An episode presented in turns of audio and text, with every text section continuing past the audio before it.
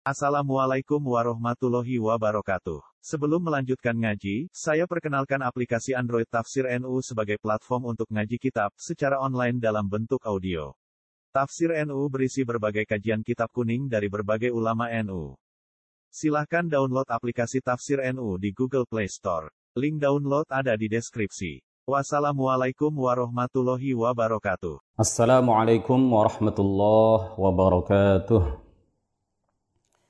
بسم الله الرحمن الرحيم الحمد لله رب العالمين والصلاة والسلام على سيدنا محمد الأمين وعلى آله وأصحابه الطيبين الطاهرين رب اشرح لي صدري ويسر لي أمري وثبتني على الإيمان اللهم لا سهل إلا ما جعلته سهلا وأنت يا حي يا قيوم تجعل الحزن إذا شئت سهلا. اللهم عافنا في أبداننا. اللهم عافنا في أسماعنا. اللهم عافنا في أبصارنا. لا إله إلا أنت. اللهم إنا نعوذ بك من البرص والجنون والجذام ومن سيء الأسقام. تحصنا بذي العزة والجبروت واعتصمنا برب الملكوت وتوكلنا على الحي الذي لا يموت. اللهم اصرف عنا الوباء وقنا شر الداء. بلطفك ورحمتك إنك على كل شيء قدير. اللهم ارزقنا الإخلاص في النية والقول والعمل ونعوذ بك من حال أهل النار. أما بعد para pemirsa di mana pun Anda berada, para musyahidin, musyahidat, NU online yang mudah-mudahan semuanya senantiasa mendapatkan limpahan taufik, rahmah, serta hidayah dari Allah subhanahu wa ta'ala. Pada kesempatan yang berbahagia ini, di majelis yang ketiga dari kajian kitab kecil, tetapi insya Allah padat dan penuh manfaat serta penuh barokah, yaitu kitab Aqidatil Awam. Kita akan melanjutkan apa yang sudah kita mulai pada dua majelis yang lalu. Pada majelis yang lalu, pada majelis yang kedua, pada part yang kedua atau pada sesi yang kedua, kemarin kita sudah menjawab tuduhan sebagian kalangan kenapa kita belajar ilmu tauhid. Padahal Rasulullah Shallallahu Alaihi Wasallam kata mereka tidak pernah mengajarkan ilmu tauhid kepada para sahabat. Para sahabat juga tidak pernah belajar ilmu tauhid kepada Rasulullah dan tidak pernah mengajarkan ilmu tauhid kepada para tabi'in. Pada majelis yang lalu kita juga menjawab tuduhan sebagian orang yang mengatakan bahwa kita dilarang untuk memikirkan zat atau hakikat Allah Subhanahu wa taala Sedangkan ilmu tauhid itu adalah ilmu kata mereka ya dalam tuduhan itu menurut klaim mereka ilmu tauhid itu mengajarkan kepada kita bagaimana kita memikirkan zat Allah. Ini sudah kita bantah.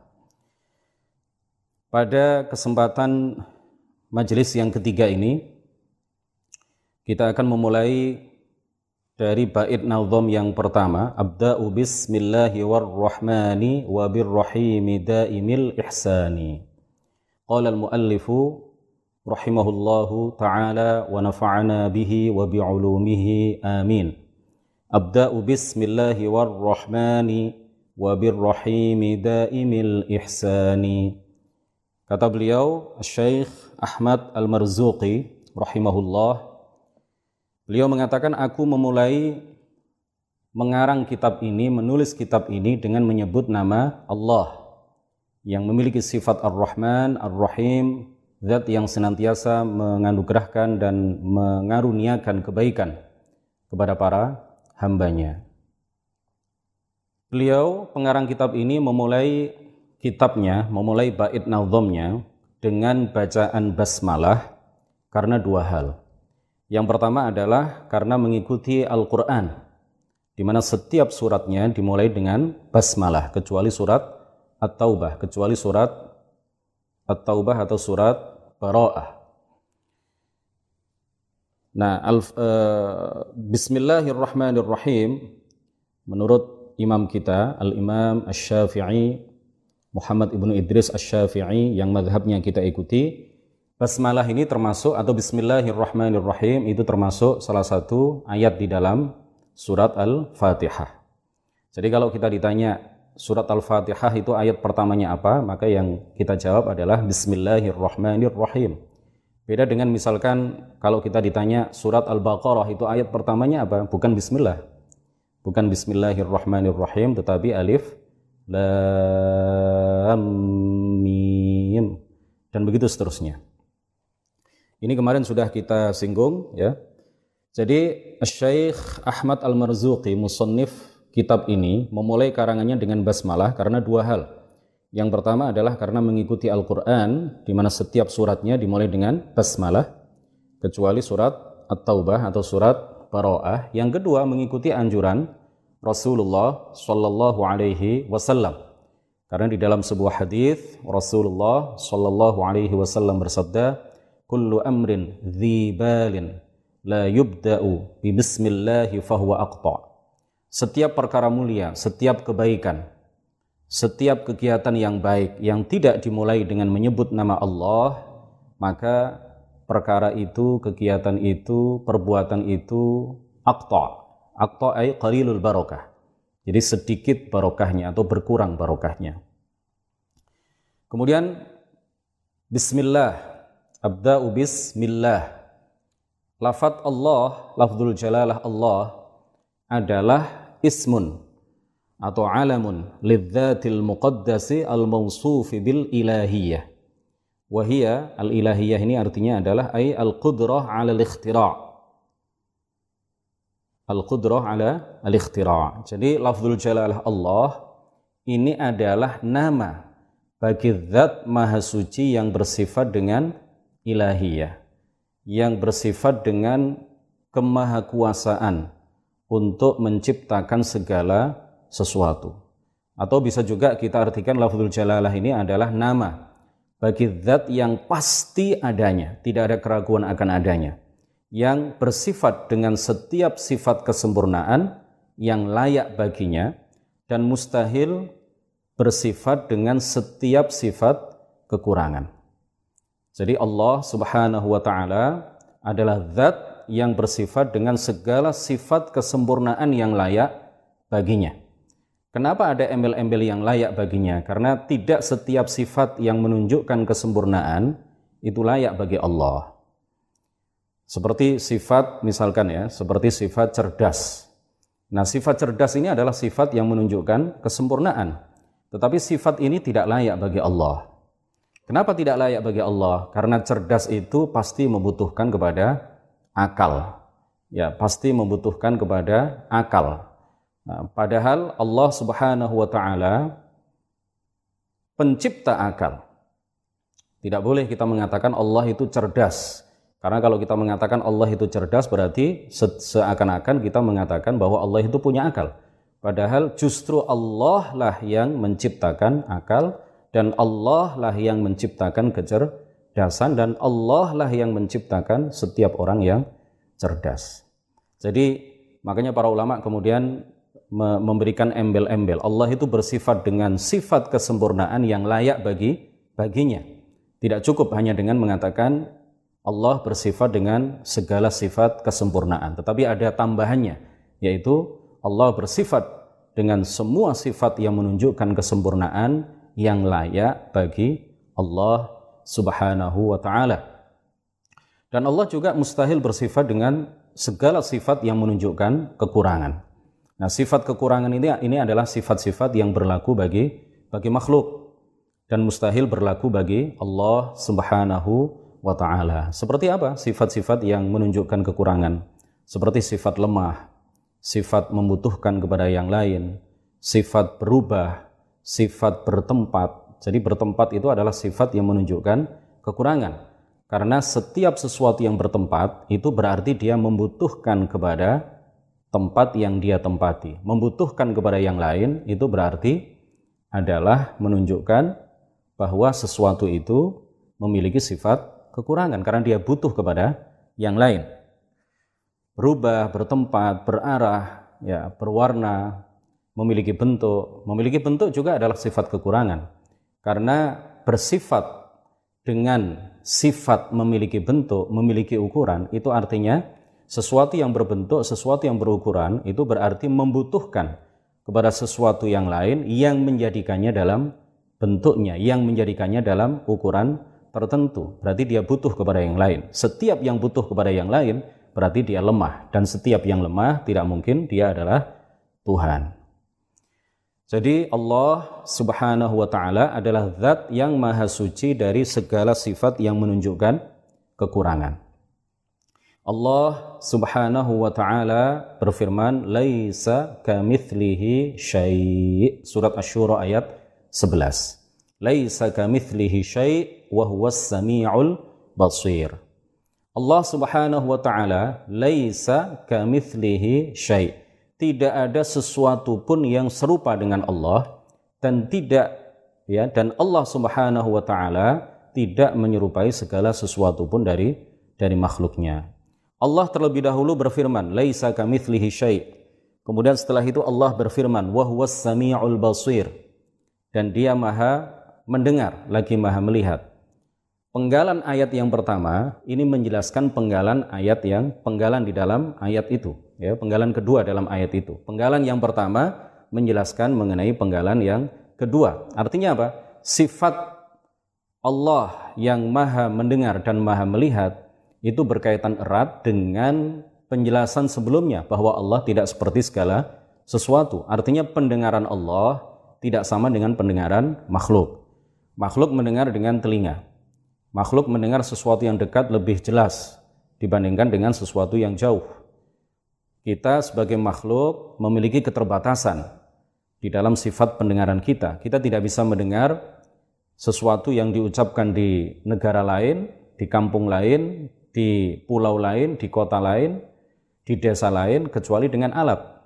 Sedangkan Allah Subhanahu wa taala Maha mendengar segala yang ia dengar tanpa membutuhkan kepada alat apa pun, tanpa membutuhkan kepada organ apa pun, tanpa membutuhkan kepada telinga, tanpa membutuhkan kepada segala sesuatu.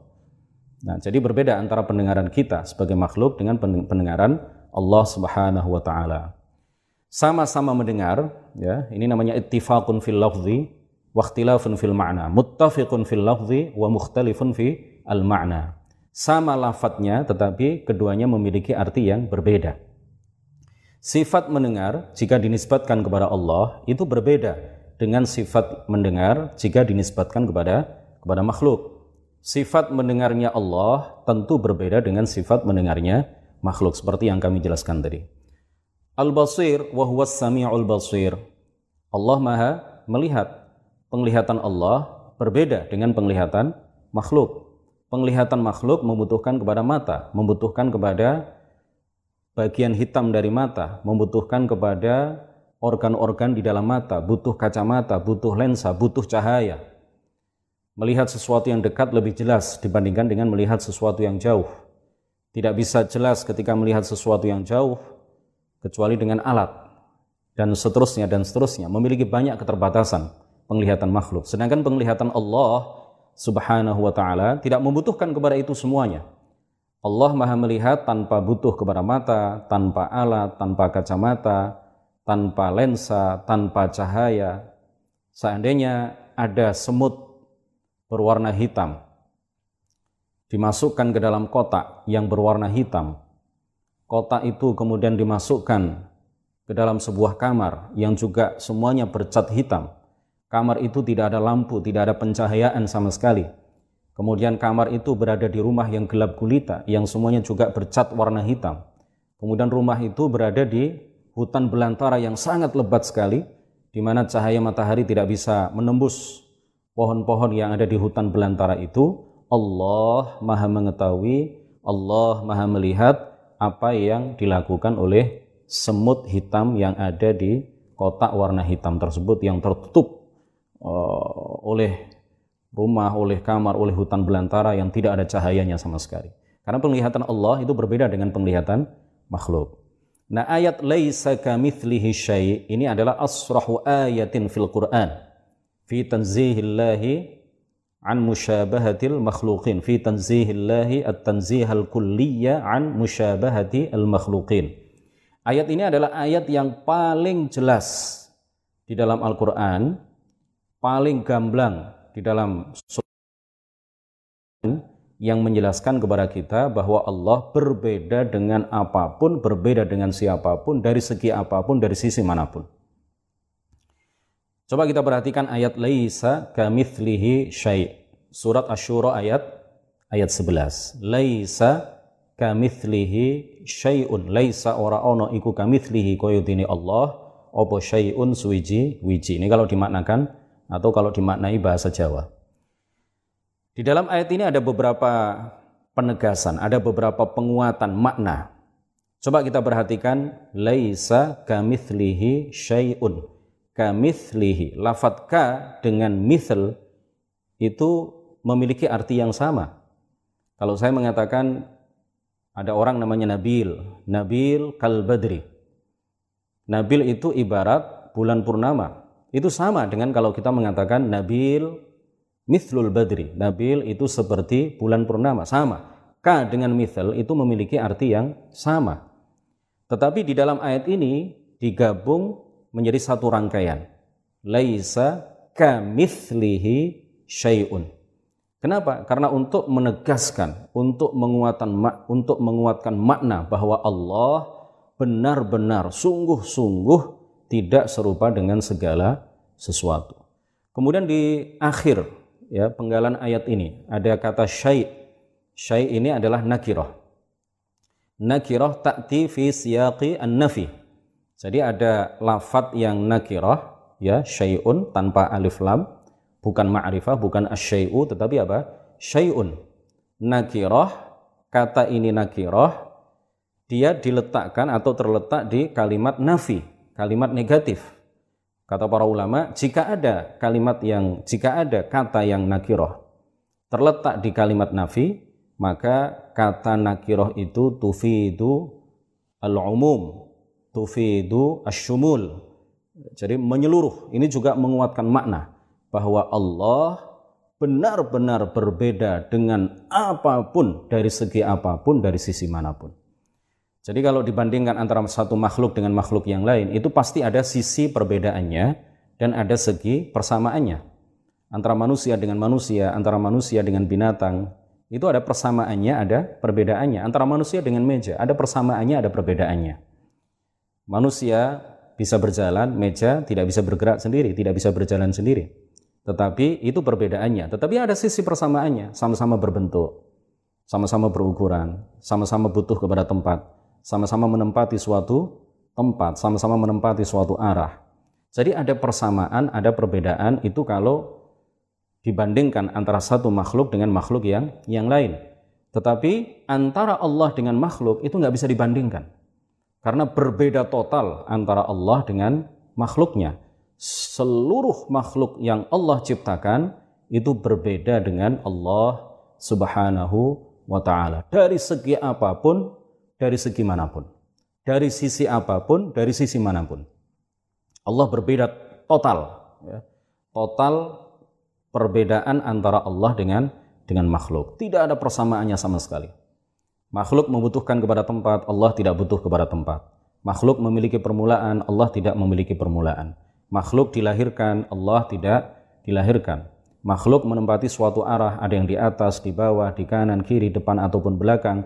Allah tidak butuh kepada arah karena semua arah, semua tempat itu yang menciptakan semuanya itu adalah Allah Subhanahu wa taala sehingga Allah tidak boleh kita mengatakan Allah di atas.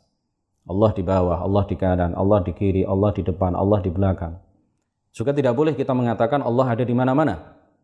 Karena kalau kita mengatakan Allah ada di mana-mana, itu artinya seseorang yang mengatakan seperti itu, artinya dia telah menyamakan Allah dengan angin misalkan, yang juga berada di mana-mana.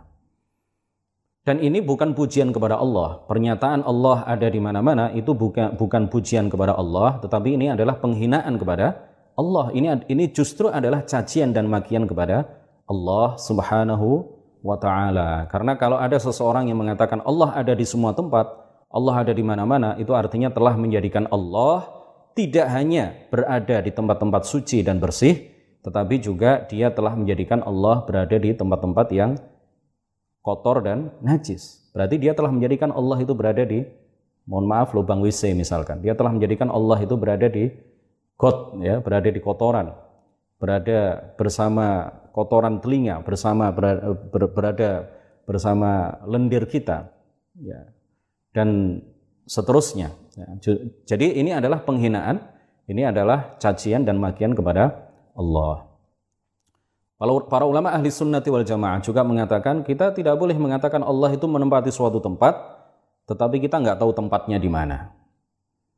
Jadi pertama kita nggak boleh mengatakan Allah berada di suatu arah, yang kedua kita tidak boleh mengatakan Allah berada di suatu tempat, ya. Yang ketiga kita tidak boleh mengatakan Allah ada di mana-mana, atau berada di semua tempat. Yang keempat, kita tidak boleh mengatakan bahwa Allah berada di suatu tempat, tetapi kita nggak tahu tempat, tempat itu di mana. Yang betul sesuai dengan apa yang diajarkan oleh para ulama, ahli sunnati wal jamaah dari masa ke masa. Ini juga adalah akidah Rasulullah, akidah para sahabat, akidah para ulama. Ya, di setiap masa mereka selalu mengajarkan kepada kita bahwa Allah ada tanpa tempat. Allah ada tanpa arah. Allah tidak di langit. Allah tidak di atas arsh. Allah tidak di dalam surga. Allah ada tanpa membutuhkan kepada apa pun, kepada siapa pun, termasuk kepada tempat, kepada arah. Jadi ayat ini adalah ayat yang paling jelas, bukan ayat yang paling utama. Karena ayat yang paling utama, ayat yang paling mulia di dalam seluruh eh, Al-Quran itu adalah ayat kursi. Sedangkan ayat yang paling jelas di dalam menjelaskan, di dalam menerangkan bahwa Allah berbeda dengan segala sesuatu adalah ayat 11 dari surat Ash-Shura yang penggalan ayat itu adalah laisa kamitslihi syai. Dari ayat ini kemudian para ulama menerangkan kepada kita secara gamblang dengan bahasa yang mudah bahwa alam itu terbagi menjadi dua. Alam itu artinya adalah kulluma siwallah. Jadi kalau disebut alam, al-alamu huwa kulluma siwallah. Segala sesuatu selain Allah itu disebut alam. Nah, para ulama tauhid membagi alam secara global itu menjadi dua. Yang pertama adalah jawahir dan yang kedua adalah a'rad. Ya, untuk mudahnya kita artikan saja jawahir itu adalah benda. Yang kedua adalah a'rad yaitu sifat benda. Jauhar atau jawahir ya, bukan jauhar. Jawahir dan a'rad. Benda dan sifat benda. Jawahir itu dibagi lagi oleh para ulama tauhid menjadi dua. Yang pertama adalah al-jauharul fard ya, jauhar fard yaitu benda yang tidak bisa dibagi-bagi karena sudah mencapai batas terkecil, karena sudah mencapai titik paling kecil sehingga tidak bisa lagi dibagi. Yang kedua adalah jisim. Jadi al-alamu kisman, jawahir wa a'rab. Alam dibagi menjadi dua. Yang pertama adalah benda dan yang kedua adalah sifat benda. Benda dibagi menjadi dua. Yang pertama adalah al-jauharul fard yaitu benda yang tidak bisa dibagi lagi karena sudah mencapai batas terkecil. Yang kedua adalah al-jismu, yaitu benda yang masih bisa dibagi-bagi. Jadi para ulama mengatakan kalau jauhar itu adalah satu apa bentuk yang tidak bisa dibagi lagi, satu benda yang tidak bisa dibagi lagi karena sudah mencapai batas terkecil. Ya, lebih kecil dari atom, karena atom masih bisa dibagi. Lebih kecil dari atom dan tidak bisa dilihat ya secara kasat mata. Yang kedua adalah jisim. Nah, jisim itu al-jismu huwa ma ta'allafa min jauharaini fa akthar. Sesuatu yang terdiri dari dua jauhar atau atau lebih. Nah, kalau satu jauhar belum disebut jisim. Kalau ada dua jauhar yang berkumpul atau lebih, maka baru kemudian disebut dengan istilah jisim. Kita artikan saja dengan dengan bahasa yang mudah benda yang bisa dibagi. Nah, benda yang bisa dibagi itu juga dibagi menjadi dua. Ada ada al-jismul kathif dan ada al-jismul latif. Al-jismul kathif itu artinya adalah mayud batu biliat. Sesuatu yang bisa dipegang oleh tangan. Sedangkan al-jismul latif itu adalah ma, ma la batu biliat. Sesuatu yang tidak bisa disentuh, ya, tidak bisa dipegang oleh oleh tangan. Kemudian bagian alam yang kedua adalah sifat benda. Sifat benda itu seperti bergerak dari satu tempat ke tempat yang lain, bergeser, menempati suatu tempat, turun dari atas ke bawah, naik dari bawah ke atas, makan, minum, ya, membutuhkan kepada tempat, membutuhkan kepada arah, eh, hidup dengan darah, dengan daging, membutuhkan jantung, membutuhkan paru-paru, melihat dengan mata, mendengar dengan telinga, itu semuanya adalah sifat sifat-sifat benda. Ya. Nah, kenapa para ulama membagi alam sedemikian rupa, alam dibagi menjadi dua, ada benda, ada sifat benda, benda dibagi menjadi dua, ada benda yang tidak bisa dibagi-bagi karena sudah mencapai batas terkecil, dan yang kedua adalah benda yang masih bisa dibagi-bagi. Benda yang masih bisa dibagi-bagi terbagi lagi menjadi dua, ada benda yang bisa dipegang oleh tangan dan ada benda yang tidak bisa dipegang oleh tangan. Benda yang bisa dipegang oleh tangan itu contohnya seperti manusia, bebatuan, pepohonan. Benda yang tidak bisa dipegang oleh tangan itu seperti cahaya, cahaya seperti ini, kegelapan, ruh, angin, atau udara, dan lain sebagainya. Kenapa para ulama membagi alam sedemikian rupa?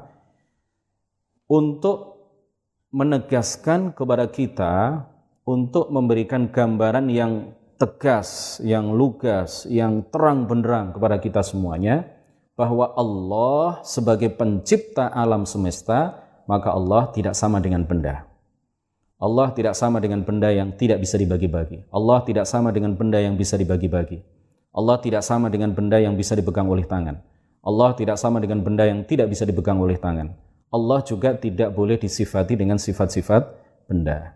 Nah, dari sini kemudian kita menjadi sangat jelas bahwa Allah berbeda dengan itu semuanya.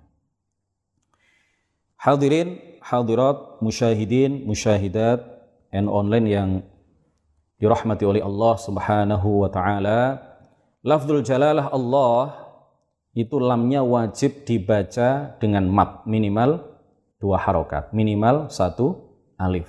Jadi jangan dibaca kosor. Karena nama Tuhan kita itu adalah Allah. Rasulullah mengajarkan kepada para sahabat, para sahabat mengajarkan kepada generasi setelahnya, Para ulama mengajarkan kepada anak-anak didik mereka dari masa ke masa, dari generasi satu ke generasi berikutnya, bahwa nama Tuhan kita adalah Allah. Jadi jangan dibaca Allah. Enggak, makanya enggak ada orang yang membaca Bismillahirrahmanirrahim dengan Bismillahirrahmanirrahim. Pasti minimal dibaca dua dua harokat. Enggak ada orang membaca Alhamdulillahi. Karena memang nama Tuhan kita adalah Allah. Bismillahirrahmanirrahim. Bukan bismillah. Bukan bismillahi la ilaha illallah. Bukan la ilaha illallah. Ya. Kalau dibaca qasr itu berarti tidak sesuai dengan apa yang diajarkan oleh para para ulama.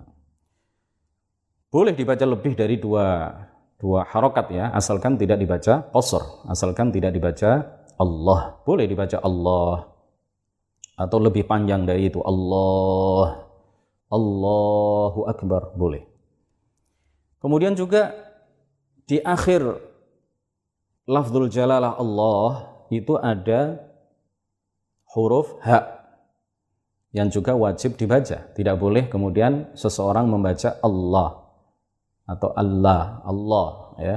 Jadi wajib diperjelas haknya sehingga menjadi Allah. Karena ada sebagian orang yang membaca Allah atau Allah. Hadirin rahimakumullah. Kemudian setelah itu Ar-Rahman, ya.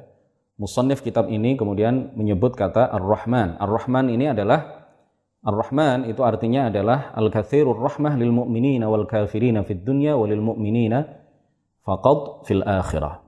Jadi zat yang banyak rahmatnya, banyak kasih sayangnya terhadap orang-orang mukmin dan orang-orang kafir di dunia dan khusus rahmatnya itu diberikan hanya kepada orang-orang mukmin di akhirat. Oleh karena itu di akhirat nggak ada orang kafir yang masuk surga karena rahmat Allah di akhirat itu khusus ditujukan kepada orang-orang yang yang mati dalam keadaan beriman, yang mati dalam keadaan membawa agama Islam. Nah, rahmat Allah di dunia itu umum. Kalau rahmat Allah di akhirat itu khusus ditujukan kepada orang-orang yang beriman. Sedangkan rahmat Allah di dunia ini berlaku umum. Apa pun, siapa pun yang Islam, yang non-Islam, yang taat, yang tidak taat, yang pelaku kebaikan, yang pelaku keburukan, yang ganteng, yang tidak begitu ganteng, orang Indonesia, orang Amerika, tua, muda, perempuan, laki-laki, siapa pun. Mereka semuanya mendapatkan rahmat dari Allah Subhanahu wa taala. Jangan heran apabila ada sebagian orang yang non-Islam kemudian mereka dijadikan oleh Allah lebih ganteng daripada orang Islam misalkan. Karena memang rahmat Allah berlaku umum di dunia. Begitu juga kalau ada orang yang non-Islam, ya, non-Muslim, kemudian dijadikan oleh Allah Subhanahu wa taala lebih kaya, lebih E, menikmati kehidupan di dunia ini ya karena memang rahmat Allah di dunia itu berlaku umum. Mencakup orang kafir ya orang non muslim maupun orang orang Islam. Makanya di dalam Al-Qur'an disebutkan apa? Wa rahmati wasi'at kulla syai' dunya. Rahmatku kata Allah ini hanya uh, rahmatku kata Allah itu berlaku umum. Wasi'at kulla syai' mencakup segala sesuatu. Siapa pun dapat rahmat Allah Subhanahu wa taala ketika mereka hidup di di dunia. Bukankah bernafas itu rahmat Allah? Semuanya bernafas ya selama hidup, selama kita hidup, selama kita berjalan di atas muka bumi ini, maka kita diberi nikmat, kita diberi rahmat oleh Allah Subhanahu wa taala bisa bernafas, bisa berjalan, memiliki tangan, memiliki kaki, ya, bisa merasakan nikmatnya makanan. Ini semuanya adalah bagian dari rahmat yang Allah berikan kepada seluruh manusia.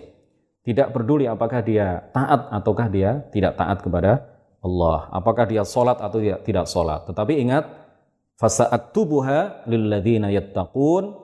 Rahmat Allah itu hanya Allah tujukan di akhirat hanya kepada atau hanya untuk orang-orang yang mukmin. Kemudian yang penting lagi bahwa Lafzul Jalalah Allah dan Ar-Rahman ini adalah nama-nama yang khos ya, nama-nama yang khusus bagi Allah. Tidak boleh diberikan nama ini kepada makhluk, kepada selain Allah. Kecuali dengan memakai tambahan abd ya, Abdullah, Abdur Rahman. Jadi nama Allah ya, Ar-Rahman dua ini di antara beberapa nama yang khusus bagi Allah tidak boleh dijadikan nama bagi makhluk kecuali dengan ada tambahan abad di depannya atau ada tambahan fathah di depannya. Fathur rahman fathullah saifullah saifur rahman tidak apa-apa. Tetapi kalau memberikan anak ya nama Allah nggak boleh. Kalau ada orang namanya Abdullah tidak tidak boleh dipanggil Pak Allah atau Om Allah atau Pak Guru Allah nggak boleh atau Pak Kiai Allah, Ustadz Allah nggak boleh. Harus dipanggil lengkap Abdullah, Ustadz Abdullah, Kiai Abdullah. Begitu juga kalau ada orang yang yang yang bernama Fathur Rahman atau Abdur Rahman itu juga harus dipanggil lengkap dengan ada embel-embel abad atau fatah atau saif sebelumnya. Ya Ustadz Abdur Rahman, jangan dipanggil Ustadz Rahman atau Pak Rahman itu sama dengan memanggil dia sama dengan memanggil orang yang namanya Abdullah dengan panggilan Allah saja. Abdurrahman juga begitu, sama. Karena dua nama ini adalah nama-nama yang khusus bagi Allah Subhanahu wa taala. Beda dengan Rauf misalkan atau Rahim misalkan. Ini adalah nama yang juga boleh digunakan untuk makhluk tetapi dengan makna yang berbeda dengan ketika nama itu dinisbatkan kepada Allah atau disifatkan kepada Allah. Jadi kalau ada orang yang namanya Rahim misalkan boleh dipanggil Rahim. Kita boleh memberikan nama anak kita Rahim ya tanpa embel-embel abad, tanpa ada tambahan abad di depannya atau fatah di depannya atau saif di depannya. Boleh Rahim, Rauf. Karena Allah Subhanahu wa taala di dalam uh, salah satu ayat Al-Qur'an Allah berfirman bil mu'minina raufur rahim. Allah Subhanahu wa taala memberikan sifat rahim dan juga me me memberikan label sifat rauf kepada Rasulullah tetapi dengan makna yang berbeda apabila sifat rahim dan rauf itu dinisbatkan atau di, di, disifatkan kepada Allah Subhanahu wa taala. Beda dengan Allah dan Ar-Rahman. Dua nama ini adalah nama yang khusus bagi Allah. Tidak boleh disebutkan untuk makhluk kecuali ada embel-embel sebelumnya seperti yang saya sampaikan tadi. Kemudian Ar-Rahim adalah zat al-kathirur rahmah lil mu'minina faqad fil akhirah. Ar-Rahim adalah zat yang banyak rahmatnya terhadap orang-orang mukmin di akhirat. Nah, di dalam bait nazam tadi, ta'imil ihsani. Allah adalah zat yang senantiasa mengaruniakan kenikmatan-kenikmatan kepada hamba-hambanya. Dan itu bukan merupakan kewajiban. Jadi Allah tidak wajib memberikan nikmat kepada kita. Allah tidak wajib memberikan rahmat kepada kita. Kalau Allah kemudian memberikan rahmat kepada kita, memberikan nikmat kepada kita, maka itu adalah fadl darinya, fadlullah itu adalah karunia yang Allah berikan kepada kita. Itu bukan kewajiban bagi Allah kepada kita. Nah, hadirin sekalian yang dirahmati oleh Allah Subhanahu wa taala, pada dasarnya memulai pekerjaan yang baik dengan basmalah adalah dianjurkan kecuali dalam beberapa perbuatan yang baik. Jadi sebelum ngaji kita baca Bismillahirrahmanirrahim. Sebelum kita memulai kegiatan yang baik, kita membaca Bismillahirrahmanirrahim. Ya, kecuali dalam beberapa perbuatan baik. Di antaranya apa? Salat. Salat itu tidak diawali dengan Bismillahirrahmanirrahim, tetapi diawali dengan takbir. Doa juga. Doa itu disunahkan untuk dimulai dengan hamdalah, bukan dimulai dengan bismillah. Kemudian khutbah. Khutbah itu dimulai dengan hamdalah, tidak dimulai dengan bismillah. Kemudian yang penting lagi untuk kita sampaikan bahwa memulai perbuatan yang makruh ya dengan basmalah itu hukumnya makruh. Jadi kalau kita melakukan perbuatan-perbuatan yang makruh ya contohnya banyak bisa di apa dipelajari dikaji di dalam kitab-kitab fikih kalau kita ingin atau ada seseorang yang akan melakukan perbuatan makruh ya tidak usah baca basmalah karena hukum membaca basmalah sebelum melakukan perbuatan makruh hukumnya adalah makruh. Sedangkan memulai perbuatan yang haram dengan basmalah hukumnya adalah haram. Ya. Orang mau berzina kemudian dia baca bismillahirrahmanirrahim. Haram. Baca bismillahnya sebelum zina itu haram. Berzinanya juga hukumnya adalah haram. Sebelum mencuri dia bismillahirrahmanirrahim. Membaca basmalah sebelum mencuri karena mencuri adalah perbuatan haram, baca basmalah sebelum melakukan perbuatan mencuri yang hukumnya haram, hukumnya adalah haram. Kemudian mencurinya sendiri hukumnya adalah haram. Kemudian untuk selanjutnya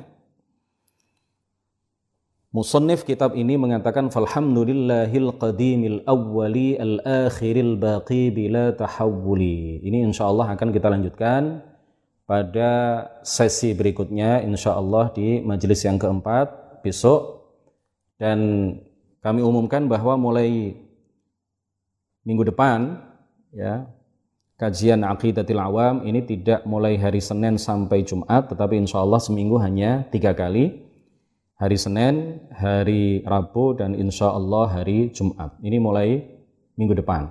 Jadi minggu ini kita masih setiap malam ya mulai Senin Selasa, Rabu, Kamis, Jumat, Sabtu, Minggu, Sabtu, Ahad, libur. Mulai minggu depan, insya Allah kajian kita, Kitab Aqidatil Awam, ini kita selenggarakan atau kita laksanakan tiga malam, tiga kali dalam satu minggu, yaitu hari Senin, Senin malam Selasa, Rabu malam Kamis, dan hari Jumat malam malam Sabtu. Demikian, mudah-mudahan bermanfaat, mudah-mudahan membawa barokah bagi kita semuanya. Terima kasih atas segala perhatian, mohon maaf atas segala kekurangan. Wallahul muwaffiq ila aqwamit thariq. Wassalamualaikum warahmatullahi wabarakatuh.